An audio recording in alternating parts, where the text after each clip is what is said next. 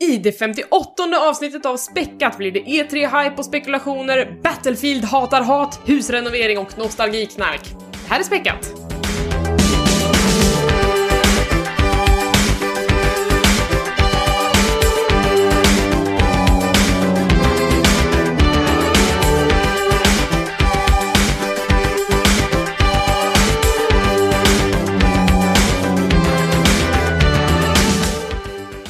Och välkomna till ännu ett avsnitt av Späckat! Det här är nummer 58 i ordningen. Jag heter Elisabeth och med mig har jag Niklas. Hej hej! Och Tommy. Tjobre! Nej men hej hej hej, hur mår ni? Tommy, jag har hört att du har lite, lite krämpor. Vi har, vi har saknat dina krämpor. Ja. Hypokondriken här igen liksom. Om det inte är någon slags cancer i strupen så är det såklart någon ischias jag råkar ut för. Och det är exakt det jag har fått också. Nej. Fatta att få den domen. Jag liksom... Har ni fått det någon gång? Nej. Den här frågan nästan. Nej, det händer väl bara Jag vet inte ens om det är det förstås, men jag vaknade upp med att jag låg som en sån här salt pinne, liksom raklång över sängen. Och min fru fick liksom så här knuffa ur mig i sängen. Jag kände mig nästan som så här Leonardo DiCaprio i den här, uh, vad fan heter den där Wolf-filmen? Wolf of Wall Street. Eh, Wolf of Wall Jaha, Street, när han tar mm. så jävla mycket knark att han måste liksom så här krypa runt på golvet. Så kände jag mig.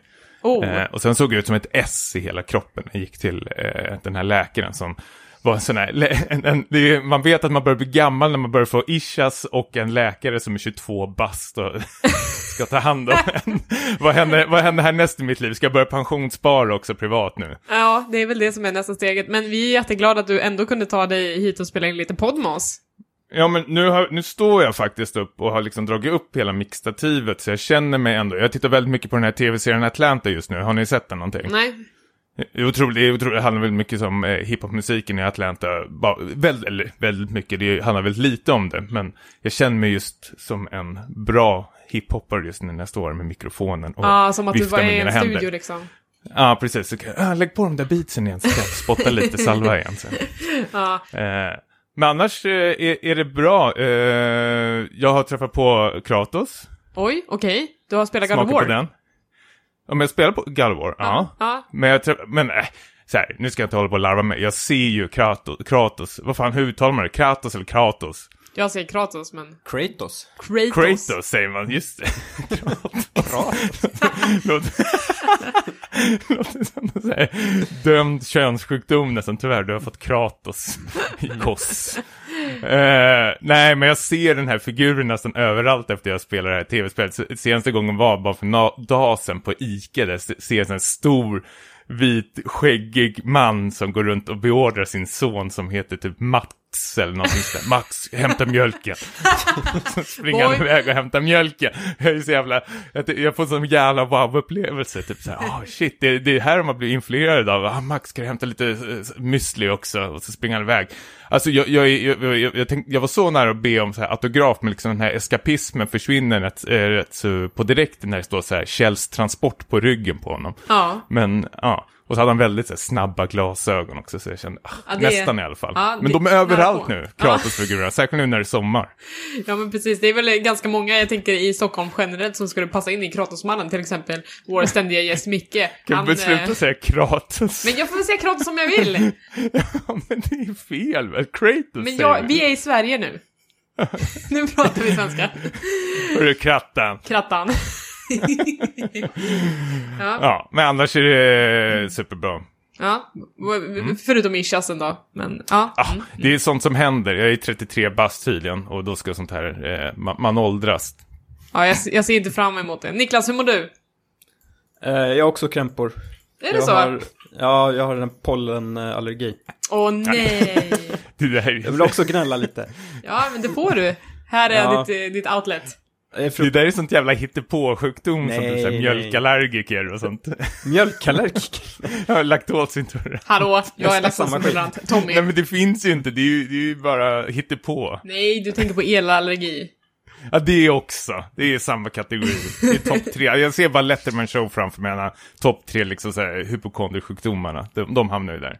Men, men eh, det, det är så intressant för att det är så många som har haft problem med pollenallergi och jag som har varit pollenallergiker i hela mitt liv känner ingenting i år. Det är som att eh, ni har fått ta min allergi för att jag ska få slippa ett år. Ja, Ja, det där är jättekonstigt. Det var, Mm. Jag upptäckte för några timmar sedan när jag gick runt här och, och dammade i sovrummet att det låg ett helt gäng med så här högar av pollen på min fönsterbräda som har blåst in eh, under natten liksom. Och så har jag legat och andats in det där då förmodligen. Det är Går du och snortar på fönsterbrädan i sömnen eller? Nej, men jag tänker att det, det är i rummet. Det, må, det måste liksom påverka på något sätt. Mm, mm, mm. Eh, fruktansvärt i alla fall. Ja, jag lider med dig. Ja. Du då? Vad Jag har har du för inga krämpor? krämpor. Jag har inga krämpor alls. Jag är ju nästan frisk som en, eh, vad heter det? Nötkärna. Mm. Nötkärna. Ja, nej men, men eh, jag har varit hemma och firat mors dag den här helgen. Det var supermysigt. Så att jag har varit ute på landet och eh, käkat brunch och eh, mamma fick en, en grästrimmer i mors dagspresent. Eh, Mhm. Precis som, som alla kvinnor vill ha. Och eh, sen så gav jag henne Stardew Valley så att jag och hon ska kunna spela multiplayer tillsammans eh, så småningom. Mhm. Ja, så vi har haft det supermysigt. Wow. Jag slarvar alltid bort mors dag, jag känner mig så jävla hemsk. Eller jag grattar henne alltid på fel dag eh, hela tiden. För man följer folk på Twitter från USA som bara ah, Mother's Day, bla bla bla. Jag tänker jaha, då är det mors dag då. Och Ja, så skickar man iväg en grattis. Så är det Och fel. ja, Ja, ja, ja. Det är dålig fel son. min son.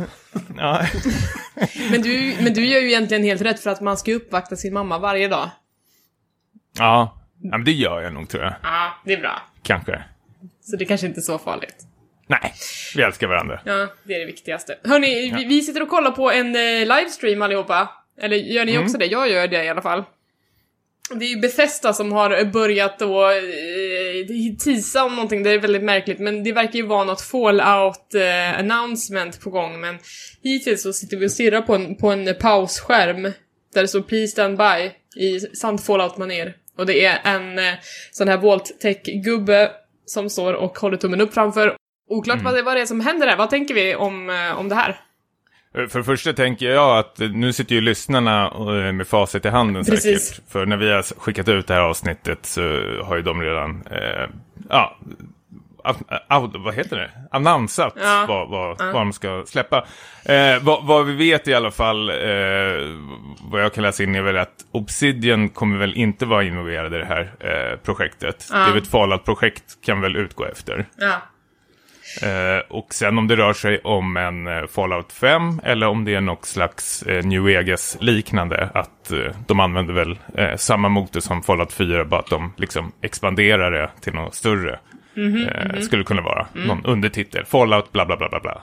Sen ryktas det väl om att det kan röra sig om en remaster av eh, Fallout 3.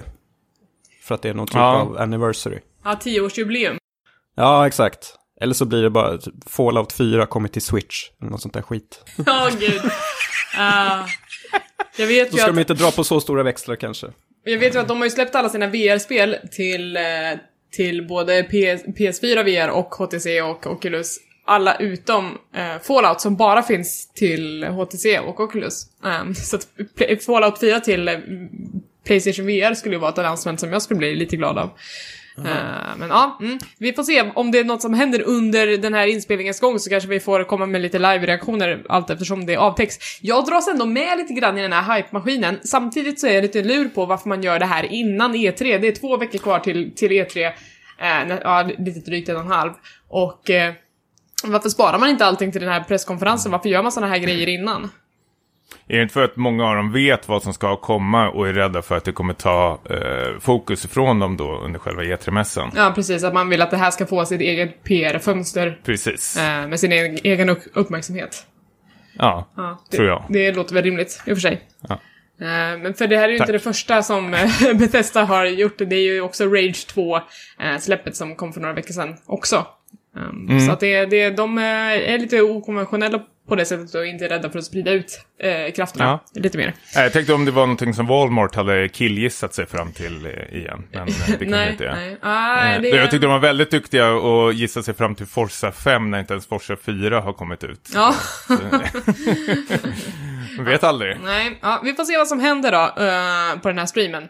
Ehm, vi har lite nyheter att gå igenom. Först och främst så tänkte jag ge en liten highlight till att eh, Total Biscuit har eh, lämnat oss. Eh, han, är ju, han var ju en spelkritiker som var väldigt, väldigt omtyckt av väldigt många. Han hade fötter med, händer och fötter med e-sportbranschen och han har ju haft cancer under en längre tid. Eh, som han, den, den, den vann till slut. Han har ju gått på behandlingar sedan 2014 tror jag. Eh, och han har alltid vetat att hans dagar har varit räknade, men han har varit väldigt duktig på att liksom fortsätta jobba, fortsätta pusha ut content på sin YouTube-kanal, på sin podcast.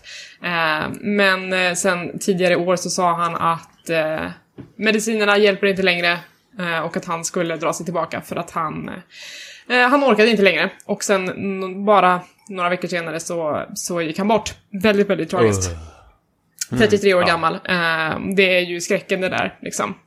Eh, för han lämnade Ung ju... som fan. Ja, men det spelar precis. ingen roll. Det är ju hemskt hur som helst, men uh, usch. Fy fan för den här sjukdomen alltså. Ja, eh, han lämnade ju efter sig en, en fru och ett barn också som... Eh, ja, det är ju så otroligt sorgligt hela den här härvan. Eh, Men, men... Här, han är, var ju en väldigt kontroversiell figur. Han sa ju, han var väldigt rak i vad han tyckte, han var inte rädd för att ibland sätta sig på tvären. Eh, och det finns ju liksom skämt om att han alltid höll utkik efter FOV-sliders när han recenserade sina spel, att det skulle vara mycket FPS och sådana grejer, att han var, eh, han ägnade mycket tid åt det tekniska också. Eh, Så att det, det var ju många som störde sig ganska mycket på honom också, men jag tror att alla kan nog enas i den respekten som man har för det, det genomslaget han har haft på spelvärlden. Att han har ju eh, granskat spelföretag och samtidigt hjälpt dem att göra bättre spel. Ja. Ehm, så ja, otroligt sorgligt tycker jag i alla fall. Jag vet inte, har ni, har ni följt honom någonting? Jag känner ju till namn, jag är jättedålig överhuvudtaget på att följa massor med sådana här recensenter, eh, YouTube-recensenter och sånt där. Men självklart känner jag ju till honom och jag har läst den här tragiska nyheten som kom upp och det är ju eh, supertrist faktiskt. För man märker ju hur, mång- hur omtyckt eh, han har varit bland eh, många, märkte jag. Eh, faktiskt, så det är ju supertråkigt. Mm. Nej, men det är samma för mig. Jag hade inte så bra koll innan, men man har liksom fått läsa sig till i efterhand att eh, han var betydelsefull. Eh, Ja, för det branschen. som, det som har varit så himla eh, kul att se på ett sätt, även mitt i allt det tragiska, är att det är så många olika spelcommunities som har uppmärksammat det här att han har ju haft liksom ett finger med i Starcraft, Overwatch, Hearthstone, men också eh, liksom subreddits eh, till spel som Warframe har uppmärksammat det här väldigt mycket för att eh, det liksom var tack vare en av hans videor som det spelet tog fart överhuvudtaget. Ehm, så att han har ju verkligen så här gått in helhjärtat i de spel han har tyckt om och verkligen lämnat sitt avtryck på, på varje ställe. Så det, det, det är väldigt imponerande tycker jag. Ja. Ja. ja, väldigt tråkigt för spelvärlden men förhoppningsvis så kanske det kommer fler som inspireras av honom och eh, kan ta vid där han slutar. Ja. Ehm, Sen så har vi också haft en liten, ett litet ramaskri i spelvärlden. Åh, är ni redo för det här? Är ni taggade för att prata om Battlefield? Det här är ju vidriga öppna dörrar som ska sparkas in nu. Det är så. Ja, ehm. DICE ägnade en livestream åt att avtäcka nästa Battlefield som kommer i oktober, Battlefield V. Det kommer ha- handla om andra världskriget. De släppte en trailer och eh, folk blev jättearga. Vad, eh, ja, vad, vad är folk arga på? Eh, ja, var ska man börja? För det första är väl att det inte är autentiskt till eh, andra världskriget. Eh, och eh, sen var det väl eh, en eller flera kvinnor med i den här trailern som hade väl sån här stor eh, roll som de tyckte väl var lite konstigt för det fanns väl inga kvinnor under andra världskriget. Sen smackade de väl på en kvinna på omslaget också. Och det är väl en av de här kvinnorna också som har någon protes också som folk hänger upp sig på. Alltså det, ja, jag, alltid blir så jävla löjligt nu när jag rabblar upp det. Att, och ens att vi ger dem den här tiden tycker jag är rätt så eh, pissigt eh, också. För- Plus den här, jag tänker inte ens nämna den där äckliga jävla hashtaggen som de börjar liksom foliera runt på mitt Twitterflöde som jag också blir så här helt... Eh, jag vet inte, jag får hjärnsläpp. Jag känner att finns det inte viktigare saker att tjafsa och bråka om än det här så då är det väl inget kul att vara eh, gamer. Nej, det är ju inte kul jag. att vara gamer överhuvudtaget känns det som. Alltså de har sett en trailer som var vadå, tre minuter lång och sen så utifrån det så har man dömt ut ett helt spel och säger att det här är det värsta de någonsin har gjort, de har förstört hela serien. Man bara, men snälla någon! Ehm, jag vet inte, Niklas, håller du med? Om att, eh, om att de förstört serien. ja, precis. Ja, det här är inte mitt Battlefield. Nej, men eh, nej, jag, jag, jag håller med er såklart. Eh, det känns nu som att ehm, eh, EA och DICE då uh, följaktligen att efter allt, vi, vi var ju arga på dem ehm, förra året då med anledning av lootboxes och sånt i Battlefront 2. Men nu, nu är det väl vi då som tar, tar dem i försvar då, tänker jag. Vindarna har vänt lite. Ja, Så jag är ju jättepeppad på det här spelet. Kanske ännu mer peppad än vad jag var innan. Ja, särskilt när de utannonserar också att det inte kommer ha en lootboxes och inte kommer ha några premium pass, utan det kommer väl fungera som eh, Battlefront 2 hade lite, att du köper liksom eh, grundspelet och sen all liksom DLC kommer vara gratis, vilket är ju helt, helt eh, underbart faktiskt. Där blir man ju dock lite misstänksam, för vad kommer de tjäna pengar på? Det kommer ju komma någon slags variant på mikrotransaktioner, men det kommer inte vara i form av det här slumpartade lootbox-formen. Jag tror att eh, du kommer ha en in-game currency som du kommer få när du går upp i level som du kan köpa cosmetic eller vapen och sånt där. Precis som du kunde göra i Battlefield 1.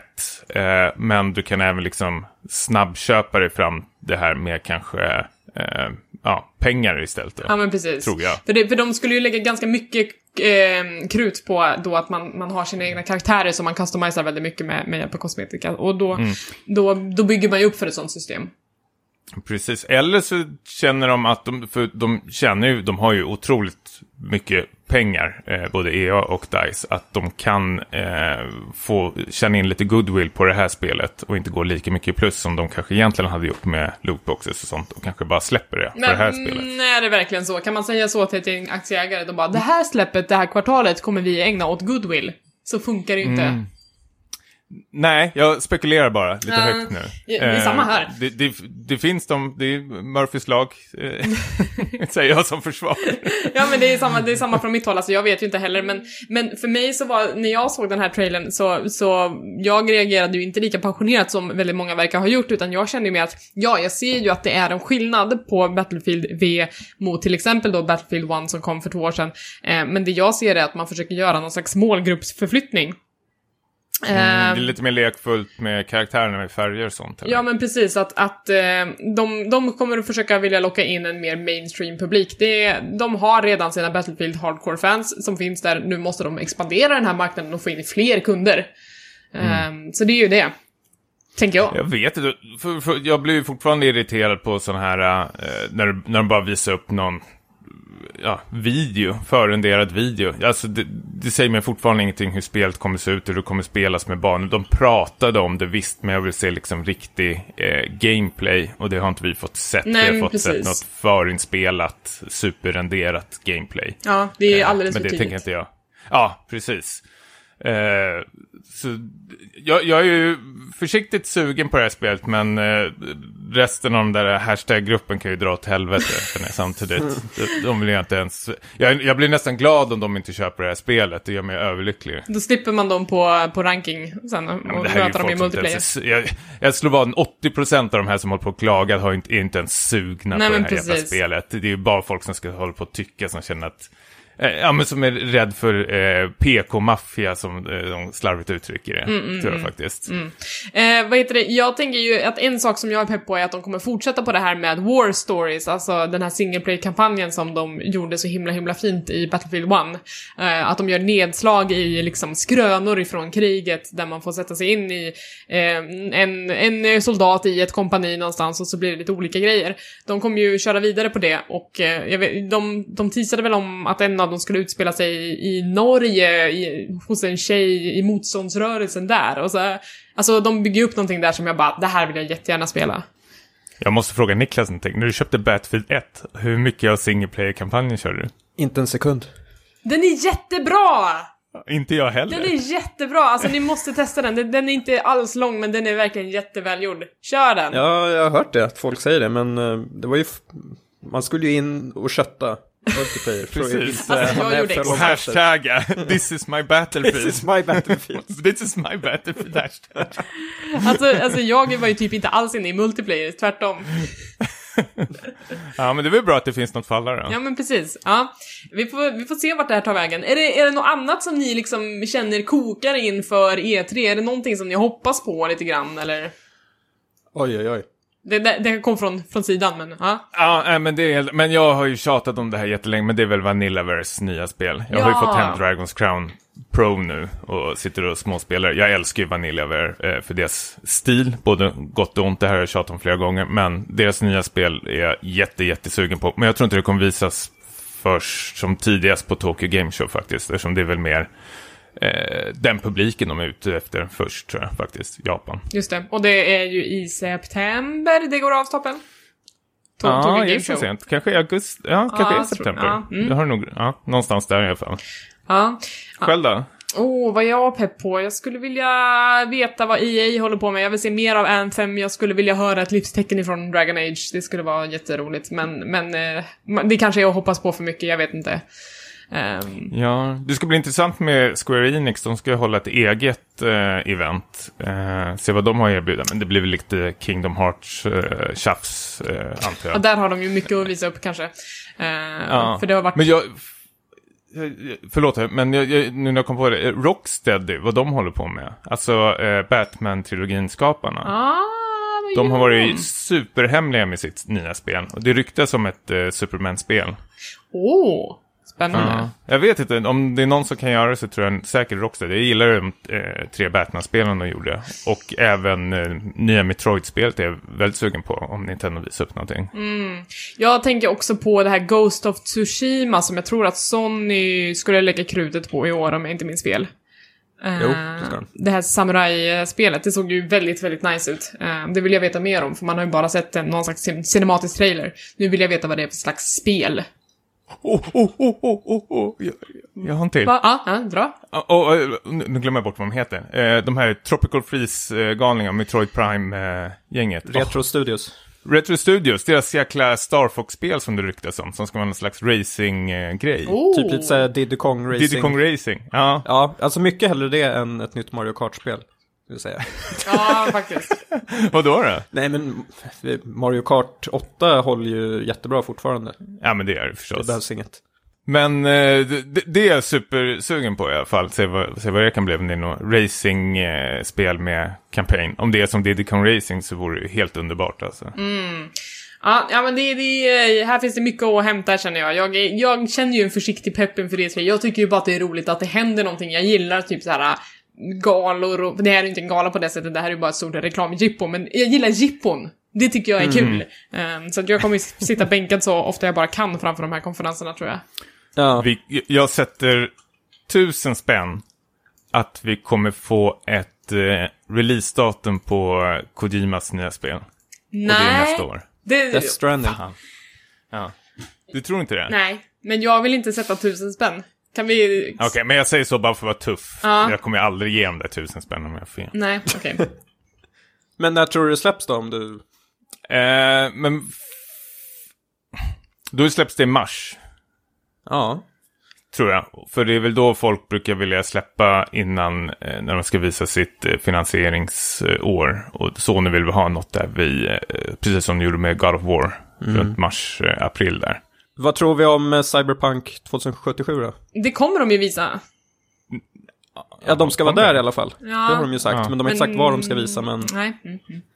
kanske är Det blir nog förrenderad video där, tror jag. Jag tror de har Ja. mycket, mycket kvar på det spelet. Skulle vara nice med ett släppdatum, men det blir väl eh, 2019 som tidigast va? Ja. Sen vet jag att David Cage ska komma och prata om sitt nya spel. Detroit, eller? Jag ska visa en tech-demo. Jag återkommer ju till Detroit senare i... Ja, jag, jag har spelat bli- klart nu. Jag, jag har att jättemycket höra. att säga om det. Åh, Oj. vad spännande. Låt, låt oss Jag har inte mer. spelat en sekund där. Med mycket åsikter. Men jag har mycket åsikter. Jag har aldrig varit så förbannad när jag lyssnar på en recension, när jag lyssnar på Elisabeths eh, recension på den. Är det sant? Okej, vi... Inte på dig Elisabeth, utan På på... David Cage? Ja. Mer om det sen. Nu teasar vi lite här. Ja, okej, men det kanske vi, vi kanske bara ska slänga oss in i vad vi har spelat då?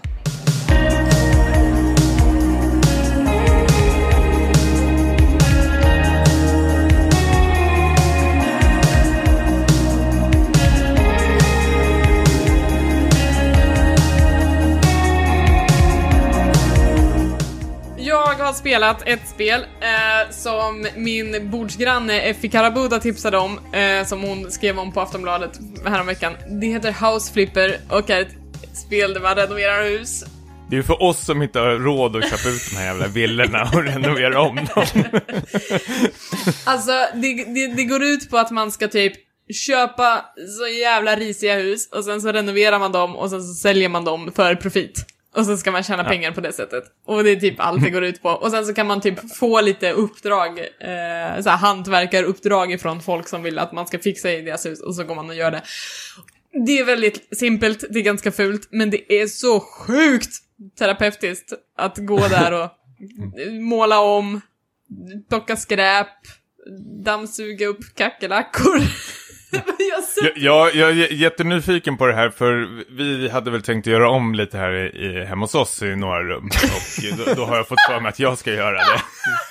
Jag, tummen mitt i handen Tommy här. Ja. TTT. Ja. Eh, hur, hur autentiskt eh, är det? Jag tänker så här, måste man räkna fall och sånt på kaklet i badrummet? Nej, Så det rinner rätt? nej, nej okej. det är nej. inte så alls, utan det är mer bara så här. nu tar du den här fula ytan och så gör du den fin. Mm. Det, är, det är inte mer komplicerat än så. Man får en li- liten inblick i hur det är att montera typ tvättmaskiner och badkar. Det har jag gjort faktiskt. Vi köpte eh, tvättmaskin. Jag har aldrig känt mig så duktig i hela mitt liv när jag eh, kopplade in den och allting. ja, men, men när man gör alla de här grejerna i House Flipper så, så är det så himla lätt, det bara händer liksom. Mm. Eh, Så att jag känner ju mig väldigt, väldigt händig nu, men om jag skulle ställa mig framför ett sånt här projekt i verkliga livet så skulle jag dels bli förbannad över att det inte tar fem minuter att måla om ett rum. Men också... Tapetsera, att du bara vill dra den där. Men också äh, just att man inte har någon koll på just såhär, okej, men är det här hållbart? Är det här, är det gift i den här färgen? Alltså nej men, det, men du vet, alltså alla praktiska grejer som man inte tänker på, det här är ju bara rent estetiskt. Eh, Men det är så sjukt terapeutiskt om man så här har haft en jobbig dag, man orkar inte göra någonting. Jag sätter mig och renoverar ett hus i det här spelet och sen så eh, mår man lite bättre. Man, man, har, man har gjort någonting, man har fått ett resultat där någonstans i det här digitala spelet. Jag har suttit i typ fem timmar redan. alltså. Ja, alltså jag gillar den här genren. Det kom ju något spel för något år sedan som hette Visera Cleanup Detail. Där du spelade som eh, städare. Som alltså gick runt och liksom skura golv och dammsög och hade det. Man städar ju väl på, på typ såhär mordplatser. Är det Ja, inte det som är grejen? För det är massa blod och grejer och kroppsdelar som du typ ska slänga i Ja, köttkvarnen. exakt. Ja, det är någon bana där det är väl tomteverkstan där alla nissar och tomten har dött. Och Ja, precis. Jag hade en kollega som var helt besatt av det spelet. Han hade ju typ hundratals timmar i Visera Cleanup Detail. Eh, Det har ett väldigt dedikerat community och han tyckte samma sak, att det var så sjukt terapeutiskt att hålla på med det. Mm. Och hans egen lägenhet förfaller samtidigt. Förmodligen. Men det är ju samma här liksom. Jag orkar inte ta tag i alla skräphögar som står här, men jag kan gärna renovera ett helt jävla hus på internet. Eh, ja, ehm, det, jag gillar också den här genren. Jag, jag ser att det finns någonting här. Jag skulle vilja ha något lite mer avancerat, lite mer eh, inredningsmöjligheter och så vidare, men, men ja, jag, eh, jag uppskattar att den här sortens spel existerar numera. Mm. Men Jag i, gillar också- Är det lite förlåt. två klick ifrån hela tiden känns som. Ja men man är. precis. Men, men man slipper den här Sims-grejen med att man ska typ hålla koll på personerna som bor där eller att det ska rulla in pengar och sådana där grejer utan allting går- går väldigt mycket på automatik. Eh, Men går det på tid eller någonting Nej. eller får man ta en tid som... Nej, och sen när man känner sig klar då slänger man ut det på auktion. Precis. Och sen så finns And det typ, sen finns det typ olika familjer som har olika preferenser och budar sen på huset. Ja, mm. Det, det har jag spelat allra mest eh, här nu på sistone. Gotekandidat. Ja, kanske. Åh, gud. Ja, mm. Vi ska nog klämma in det på topp 10. Mm. Har någon annan spelat något kul? Kul och kul vet jag inte, men eh, jag har ju börjat känna på State of Decay 2. Oh. Eh, bara som hastigast dock. Fräscht. Det är hyfsat nytt och fräscht. Eh, och det följer ju med det här, om du har Game Pass till eh, Xbox eller PC så Eh, ingår ju det här spelet då, precis som Sea of Thieves gjorde eh, när det kom för eh, ett tag sedan. Um, men det är ju i alla fall då, ni kanske har lite koll på det här, men du ska ju då, eh, det är en zombie-apokalyps och du ska eh, bygga upp ett eh, fungerande samhälle eh, mitt i all den här, det här tragiska då som har hänt. Och det gör du genom att du, eh, du bygger upp en bas och du eh, åker runt och letar efter överlevare som du då kan rekrytera till eh, basen. Och eh, ja, mest, mest av allt är det väl egentligen ett jäkla samlande av resurser som du liksom kör fram och tillbaks. Eh, till eh, hemmet då. Mm. Eh, har, ni, eh, har ni kollat på något på det här? Jag vet, jag frågade Elisabeth om vi skulle spela och det blev kalla handen direkt där. Ja, men jag har ju... Mycket kalla handen från Elisabeth. Onrush eh, fick ju också en sån där en riktig örfil. Ja, men jag har, jag har för mycket med mina hus som jag renoverar, så att jag har inte tid med det här. Eh, Nej, men jag klippte ihop en recension på Peter Spel som eh, Angelica hade spelat det ganska mycket och eh, jag, jag ser tju- tjusningen i det, här spelet. Jag, jag tror absolut att jag skulle kunna förlora ganska mycket timmar i det här, men, men eh, jag... Det känns inte heller att det är så bra att jag prioriterar det just nu. Kanske sen, typ. Eh, för att, eh, och sen så har jag hört att co-open inte är superbra liksom att, att om du går in och hjälper en vän i co-op i deras save så får du liksom ingen belöning på ditt save. Det är lite som, som Far Cry 5 liksom att du får ingenting för det, då måste du liksom hänga kvar i det savet antar jag för att känna att du åstadkommer någonting. Förlåt, men jag, ty- jag tycker det där är så jävla idiotiskt. För jag och några vänner har precis köpt det här uh, Pixel eh, Monster Junk, heter det va? I don't know. Det här är, eh, jo, det är eh, Tower Defense-spelet som har fått en eh, uppföljare nu. Aha. Och då är det ex- exakt samma sak. Då spelar man tre stycken och vi har jättekul och känner så här, ja, det här kommer att funka bra. Och så har man den här, precis, det är ett vanligt Tower Defense-spel. Men det är bara hosten som eh, progressar. Vi andra står liksom bara och trampar. Vi kan ju inte fortsätta så vi måste köra om alla banor om och om igen på alla svårighetsgrader. Alltså det är helt sjukt. Jag fattar inte. Jag har till och med tagit kontakt med utvecklaren men de har precis som du Elisabeth Kalla handen. Kalla handen. Nej, men jag, jag förstår inte riktigt nej. det. Är det bara för att de är ute efter någon slags tid, att man ska eh, spendera mer tid på spelet? Ja, eller så har de inte löst att det ska synka över flera saves. Alltså, det är väl en, en teknisk begränsning. Det låter ju supersimpelt, för Dragon's Crown hade exakt samma problem också, att du var tvungen att spela om spelet med dina vänner igen, igen, igen. Men sen löste de det senare med en uppdatering. Mm. Men jag vet inte om det var på grund av, ja, om- som du säger, att de inte hade löst det, eller om det var allt tjat som kom in. Ja. Ja, jag vet inte, men det är det, det, det i alla fall som håller mig tillbaka lite grann. Men, men är det så att man kan förlora en massa timmar här eller? Eh, möjligt, men, men det är ju samma för mig. Jag är jättebesviken att liksom co-op var ju det som var attraktionen med det här spelet innan, för min del. Jag såg framför mig att vi, eh, jag och ett gäng till då kanske tillsammans som i typ Minecraft skulle bygga upp det här samhället tillsammans och hjälpas åt och åka runt.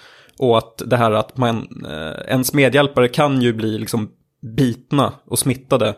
Och så måste du ta hänsyn till om, liksom, kan du kanske rädda den här personen Eh, eller måste du, ja, ett skott i nacken då liksom för att eh, eh, göra slut på eländet.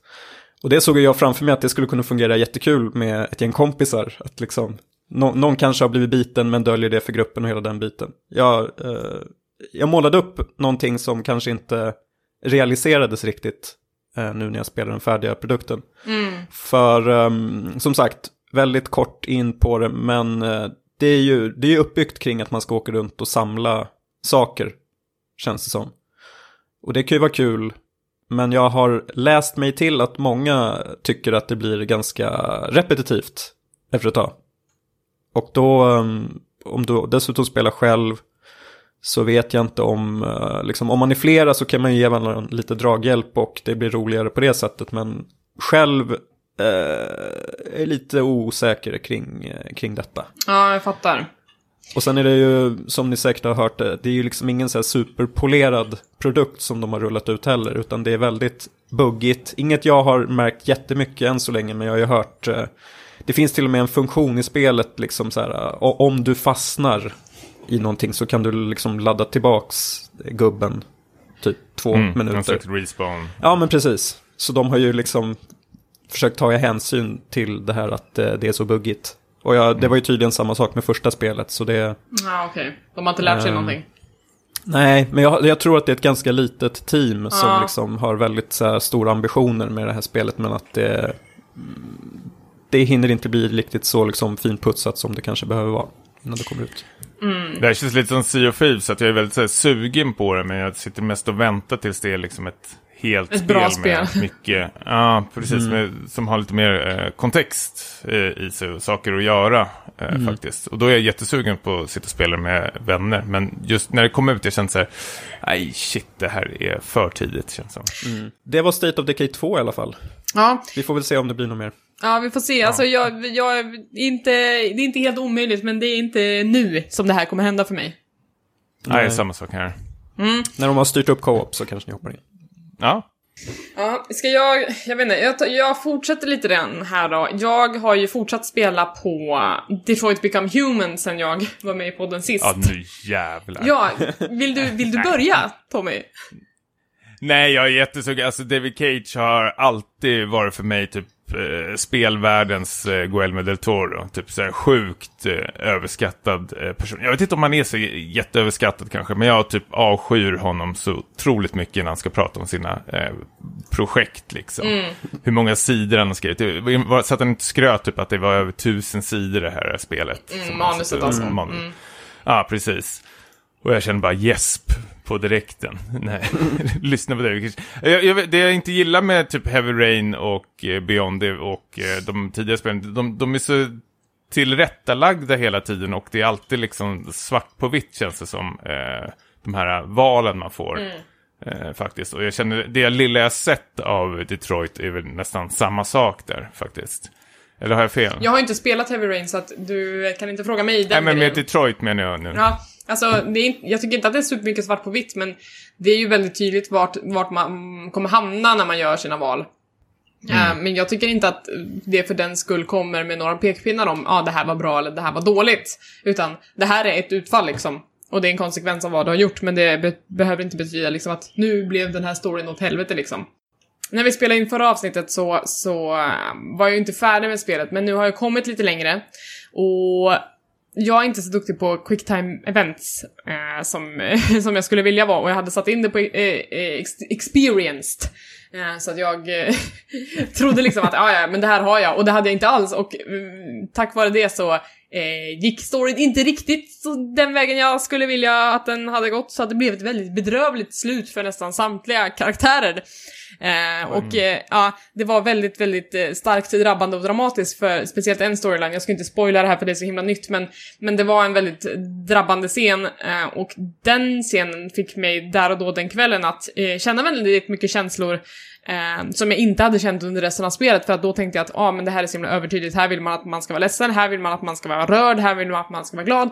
Men det var först på slutet som jag faktiskt kände att åh, det här var faktiskt en stark scen på riktigt. Mm. Men sen liksom, sen sov jag på det där och kände bara åh det här var ett, det här var ett bra spel tror jag. Och sen så vaknade man dagen efter och bara men resten var inte så himla bra. Alltså vägen dit var ganska seg, tråkig, långsam och övertydlig liksom, överspelad på många sätt. Så att det blev ändå lite så här att Ja, det här är ett mellanmjölkspel trots allt. Det finns så himla mycket ambition och det finns så mycket potential i både eh, mediet och i storyn, men det känns som att man har låtit det rinna mellan fingrarna helt och hållet. Ja, jag vet inte exakt vad det är för frågeställningar han tar upp i spelet, men bara jag tittar på trailern så känns det som han liksom tio år sen på bollen. Ja, absolut, nästan. så är det ju. Så är det ju.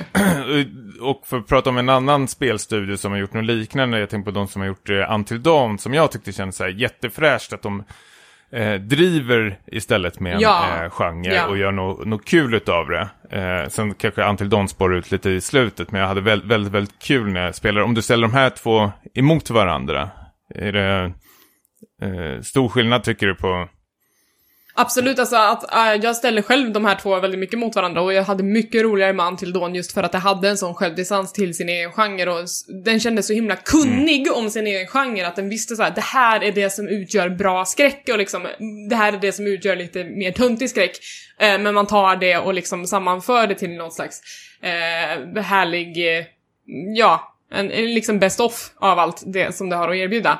Men, men i Detroit Become Humans fall är det mer som att åh, här finns det en genre, vi skiter i att kolla vad andra, alla andra redan har gjort av det, vilka frågeställningar som redan är gjorda och vad man redan har besvarat i alla andra popkulturella verk. Utan vi gör det en gång till bara. Eh, och då, då blir det som att man berättar ju inget nytt. Eh, utan det blir bara såhär, åh, exakt den här scenen har jag sett i Altered Carbon för en, igår, liksom, när jag kollade på det. Eh, och, Ja, eller Westworld. Ja, eller Westworld eller äkta människor tänker jag jättemycket på. Ja. Alltså alla eh, de här eh, Android eh, p- kulturella verken, alltså de, det, man känner ju igen allting nästan. Så det, är- det är ju lite såhär, okej, gillar du den här klyschan och har inget emot att den har berättats förut, eh, sure, det, då är det väl ett helt okej spel, men vill du ha samma finess som Until Dawn gjorde med sin genre, då mm, du kommer inte hitta det här. Det känns som man har gissat sig fram till den här eh, alltså, frågeställningen där folk har sagt androider har de någon, några känslor. Alltså, eh, tänker också som Blade Runner och alla de där andra filmerna. Men återigen, det, det är en frågeställning som är väldigt intressant. Men det känns som aldrig någon har något så här roligt intressant svar på den. Så jag har ju nästan tröttnat på det där. Nej. Jag tar ju sönder alla robotar hemma hos mig. Ja. Jag känner ingenting när jag skrotar min liksom, robotdammsugare. Men Tom, Tommy, ner automata. Ja. Ja men, okej. De har något, Där. någonting att ja, säga. men precis. D där har de ju någonting. Fast, ja, de, de ställer ju samtidigt mer filosofiska frågor än svar i Nier Automata. Ja. De, de gör det väl lite mer vackert, men känner att det känns med David Cage som han, han, sit, han, han, han strålar ut som han sitter med facit. Ja, nej, men det gör om han ni inte. sätter er med Detroit så kommer ni få reda på allting.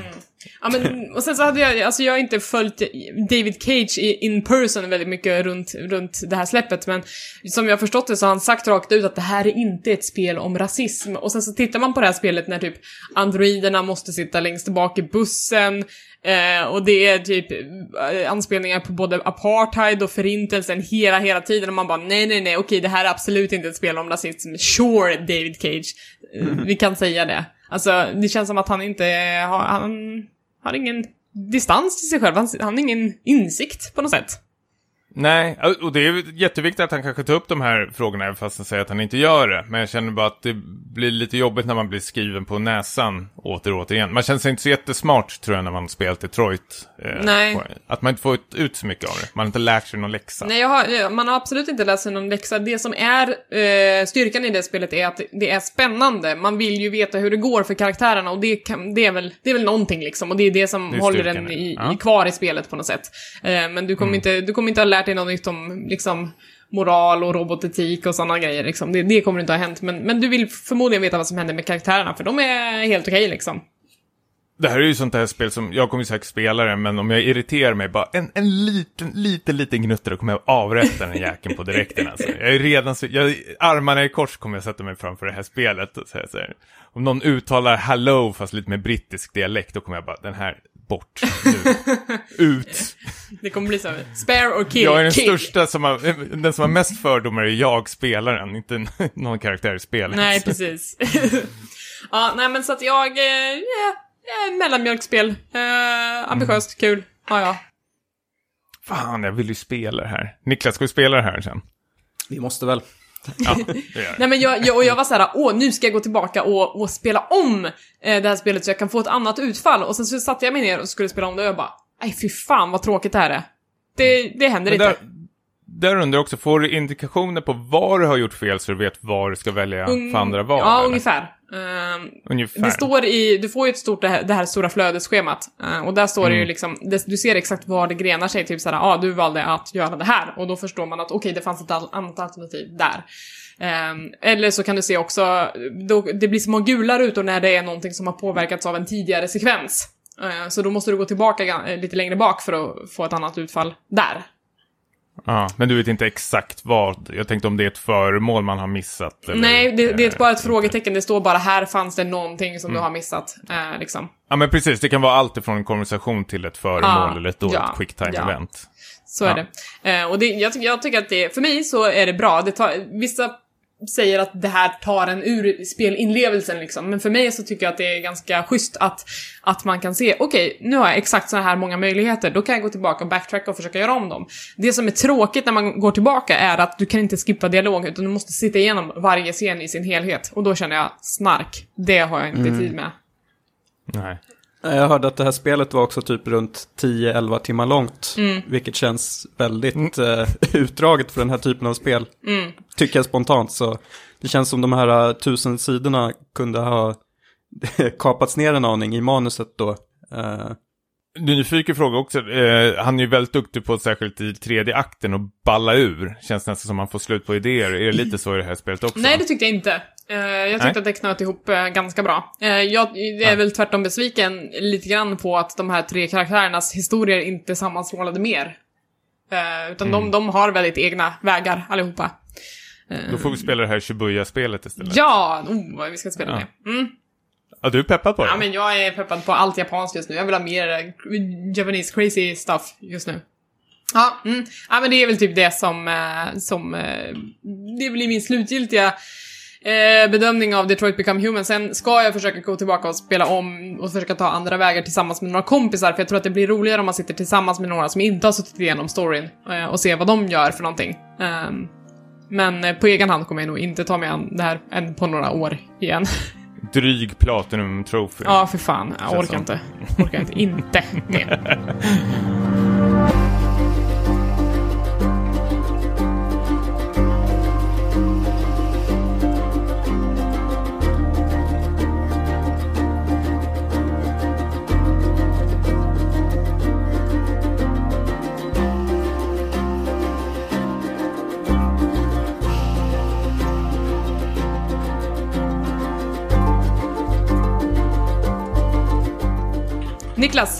spelat några spel.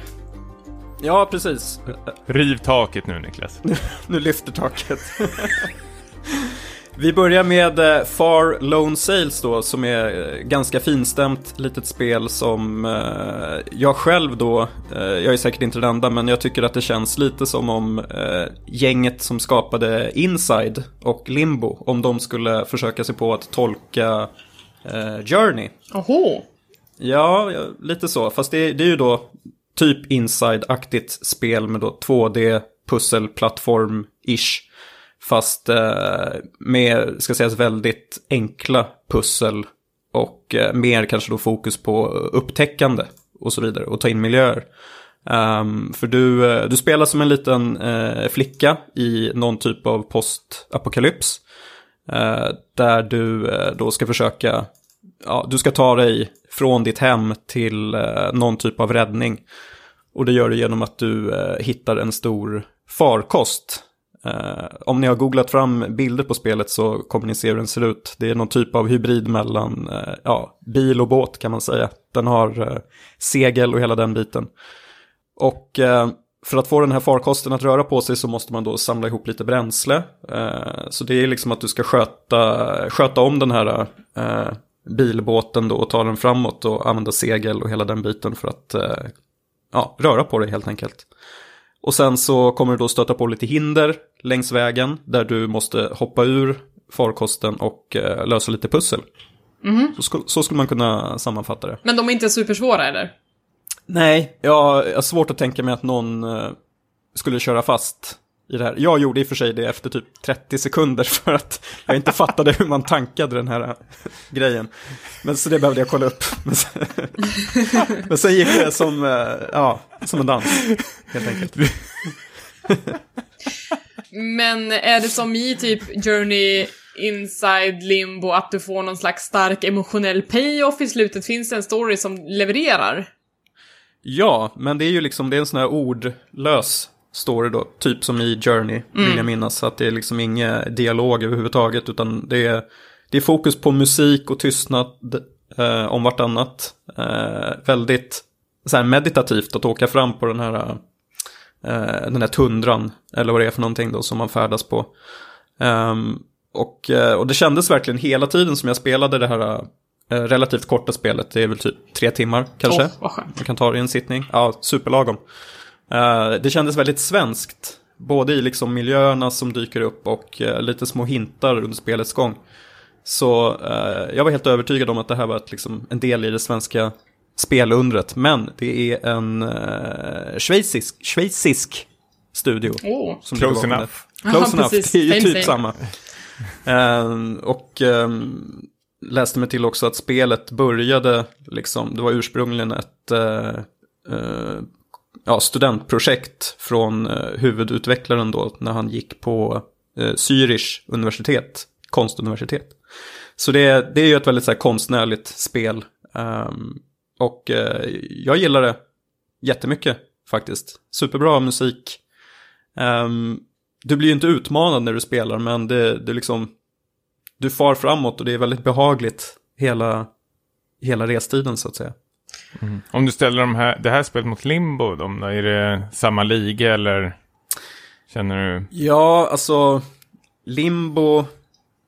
Eh, det är ju ett spel som är väldigt svårt vill jag minnas. Alltså att det har pussel som är ganska frustrerande. Eh, Men om vi ser sett till det det emotionella så tycker jag ändå att de, de gav mig ungefär samma emotionella payoff. det, var lite, det var lite gåshud på, på slutet, Nice. skulle jag säga. Så jag hoppas att det, här, att det här är något som inte liksom kommer att eh, försvinna i bruset utan att eh, tillräckligt många kollar upp det här. För det var definitivt värt liksom 100, 150 kronor och tre Är timmar. det god eh, topp 10? Eh, I dagsläget, absolut. Åh, är det så? Ja, men jag är såld. Jag kommer nog testa på det här. Jag gillar längden. Tre timmar låter ju alldeles lagom. Ehm, och eh, alltså jag tycker ändå så att Limbo Inside etc. är inte mina favoritspel, men jag respekterar ändå liksom hantverket bakom och tycker att de är ofta är väldigt fina stämningsfulla, så att jag kommer nog testa. Kul. Ja, jag, snabb uppdatering här från Bethesda. Det har kommit en, en eh, handdocka av den här Vault-Tech-killen i filt som har dabbat i skärmen. Ja, De imponerar ju inte precis på oss. Ja, mm, Ska du fortsätta så här i flera dagar? Att de bara går omkring i... ända fram till E3-konferensen. Ja, Det tradigt. kanske är någon slags charity vi har missat. Typ, att... ja, något sånt. Ja, Niklas, fortsätt. Ja, avslutningsvis då. Eh, det kom ju ett spel som heter Bloodstained Ritual of the Night som jag tror att vi har pratat om. eh, som är då han castlevania skaparen Koji Igarashis då återkomst till den här metroidvania genren som han då kickstartade igång eh, 2015. Eh, det ska ju komma senare i år, tror jag. Eh, men eh, redan nu då så kommer Bloodstained Curse of the Moon som var då ett av de här stretch goalsen som eh, sattes upp då under Kickstarter-kampanjen. Och eh, ja, det nådde de ju upp till och då kom, eh, kommer det här spelet som är någon typ av hyllning till de tre första Castlevania-spelen eh, som kom under då NES 8-bitars eh. Ah, så det är, är det typiskt sån här pixelgrafik då, eller?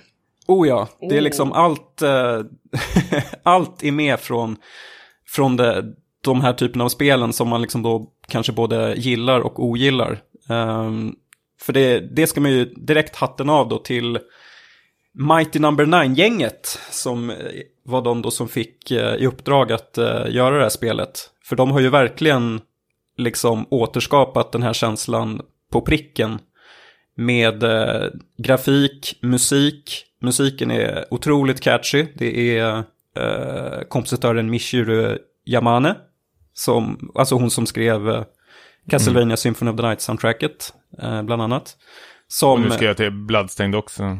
Precis, och det, det är båda gott, för det är väldigt bra melodier redan här, tycker jag. Ehm, så det är superkul. Eh, om jag får sticka in, vad, har ni, spelade ni Castlevania 1 till 3 när det begav sig? Eller Vad är det för möjligtvis- något? Nej, nej. Det lät så på dig att Ja, känner att det är till helt- det här fenomenet. Ja, men precis. Ja, men det, det fanns ju med, jag tror ettan och tvåan var med på mini-NES-konsolen också. Men helt ärligt, hur många timmar har vi spelat på mini-NES-konsolen? Inte jättemånga. Eller? Nej. Inte ni heller? Noll. Eller? Nej, jag har ingen. Nej, men just det.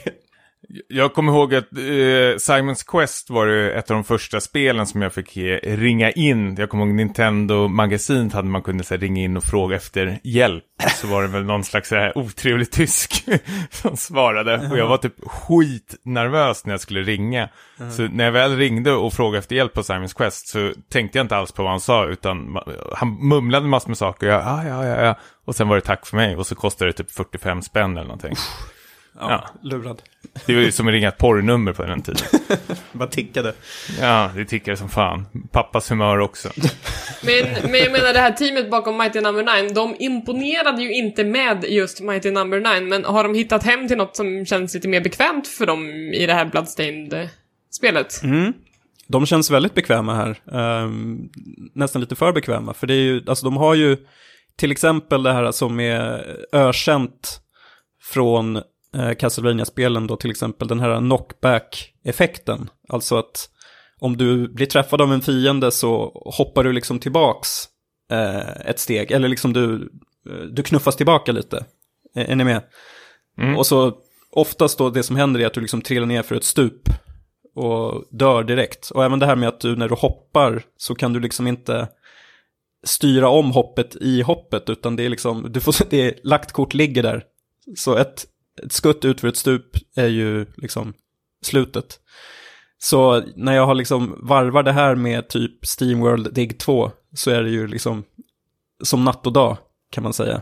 Att gå tillbaks till eh, den här Bloodstained-känslan. Men, men det låter som du gillar eh, det här spelet väldigt mycket. Eh, Jag gör ju det. jag- Eh, Ja. För det är liksom, min första tanke var när jag var inne och liksom filade på någon typ av sågning till det här spelet. för jag, jag, ställ, jag drog ju ner veteran mode till casual mode och då fick du oändligt med liv och du slapp den här knockback-effekten då. Eh, men det var liksom, jag var inne på att ja, det är skönt att jag inte köpte Mini-NES. För det här är bara en påminnelse om att spelen var rejält mycket sämre på, på den tiden. Ja. För jag tänkte, du, du bör ju kolla in eh, Shovel Knight som jag eh, började spela för första gången för typ några dagar sedan. Åh. Och det är ju helt eh, jävla Jag underbart. älskar Shovel Knight. Och det, ja, men det, det, de, de har lyckats med Shovel Knight är att de tagit med det bästa och det roligaste från eh, plattformsspelen. Och inte det här eh, pissvåra. Alltså Shovel Knight är svårt men det är väldigt snällt samtidigt att du har checkpoints och du har oändligt med liv. Men det är väldigt roliga liksom banor plus att de har ju tagit med den här DuckTales-mekaniken. att du liksom hoppar På käppen. DuckTales, ja, käppen, men istället har man spade så man kan liksom så här valla sig genom fiender och sånt Ja, där. Och precis som du säger, om man blir träffad av en fiende så kanske man faller ner i den här eh, gropen och, och dör och sånt där, vilket är jävligt frustrerande. Men jag tycker om du gillar det här så tycker jag definitivt ska köpa det till switchen också, eh, Shovel Knight, och få med alla de där spelen. Ja, det ska jag göra. Fan. Det är, Jag älskar, jag varit jag- jag älskar musiken i Shovel Knight. Den är så bra. Ja, det är skitbra. Och jag, det är, faktiskt så finns det en relativt bra story där också tyckte jag ändå Mm. i Shovel Knight. Och otroliga jävla bossar. Eh, jag, har, jag visste att folk, folk har ju pratat gott om det hela tiden, men jag har liksom bara, ja men jag tar det sen någon annan gång. Jag har inte varit så jätteimponerad när jag tittar på det, men när man väl sätter sig ner med Shovel Knight och börjar spela, det är liksom så här, wow, okej, det här är faktiskt riktigt, riktigt jävla bra. Men om man inte har det här gamla tänket som jag som typ eh, inte är inne på 8 eller 16 bitars spel överhuvudtaget, kommer jag tycka att det är kul? Eller ska man vara den här nostalgiken? Du tyckte ju om Shovel Knight. Jo men det är ju nytt. De har ju liksom tagit, de har ju tagit lärdomar av allt som eh, 8 och 16 bitar sedan gjorde inte så bra. Och sen så har de gjort det bra liksom. Ja, alltså det här, här får du ju liksom svackorna också Ja. Det är från så. 8-bitars-eran. Men jag skulle jättegärna höra vad du tycker Mm, om det här. Det var lite min förhoppning här att, eh, eh, ja, nostalgiken som jag själv då skulle få eh, bolla lite med en, en eh, nykomling till den här genren. Vilka, Men vilka det kanske vi kan ta, ja, det kanske vi kan ta i något avsnitt längre fram då i så fall. Ja, men jag ska, ska försöka. Oj, oj, nu blir det många Ja, spel ja, det blir det många spel, det i. är ju så liksom. Men det är ju det är snart sommar, snart kommer ju arbetstakten gå ner lite grann kanske för de allra flesta. Eh, och då kan man ta sig an den lilla backloggen. Som vi ju har Mm. allihopa. Inte så? Då ska vi bara supa järnet väl ute vi tre. Ska vi? Varför inte? Okej då. Jag kan, jag kan försöka med det också. Inga löften här. Absolut. Hörni, Vi måste se till att vi har en Switch-fest också. Ja! Ta med oss våra Switch och sätta oss ute och dyngraka Ja. och se igenom några spel. Rocket League som Elisabeth älskar till exempel. Gärna. Det gör vi. Det gör vi. Jag, jag säger ja till allt idag. Utom Ja, eh, State of härligt. Decay. Det säger jag nej till. Ja. Ja, Mm. jag står ensam. Ska Ja, vi säga så för idag? yes. Det gör vi. Mm. Himla härligt att snacka med er ännu en vecka. Eh, om du som lyssnar har frågor, funderingar etc. så finns vi på mail, späckatpodcast.gmail.com eller så skriver man till oss på Twitter, eh, att späckat, eller Instagram, att späckatpodd. Var hittar man er personligen, Niklas? Eh, Niklas Lundqvist Twitter, eh, OneLess Niklas Instagram. Och Tommy? Tommy understreck Jansson på Twitter och eh, Stimpas på Instagram. Och du är Elisabeth. At Hangry Eli på Twitter och at Hangry Spice på Instagram. Och med det sagt så får vi säga tack så mycket för att du har lyssnat och ha en fortsatt fin dag. Ja. Tack Bethesda för ingenting. Ja, jävla skitstream. Hej då! Hej då. Hej då.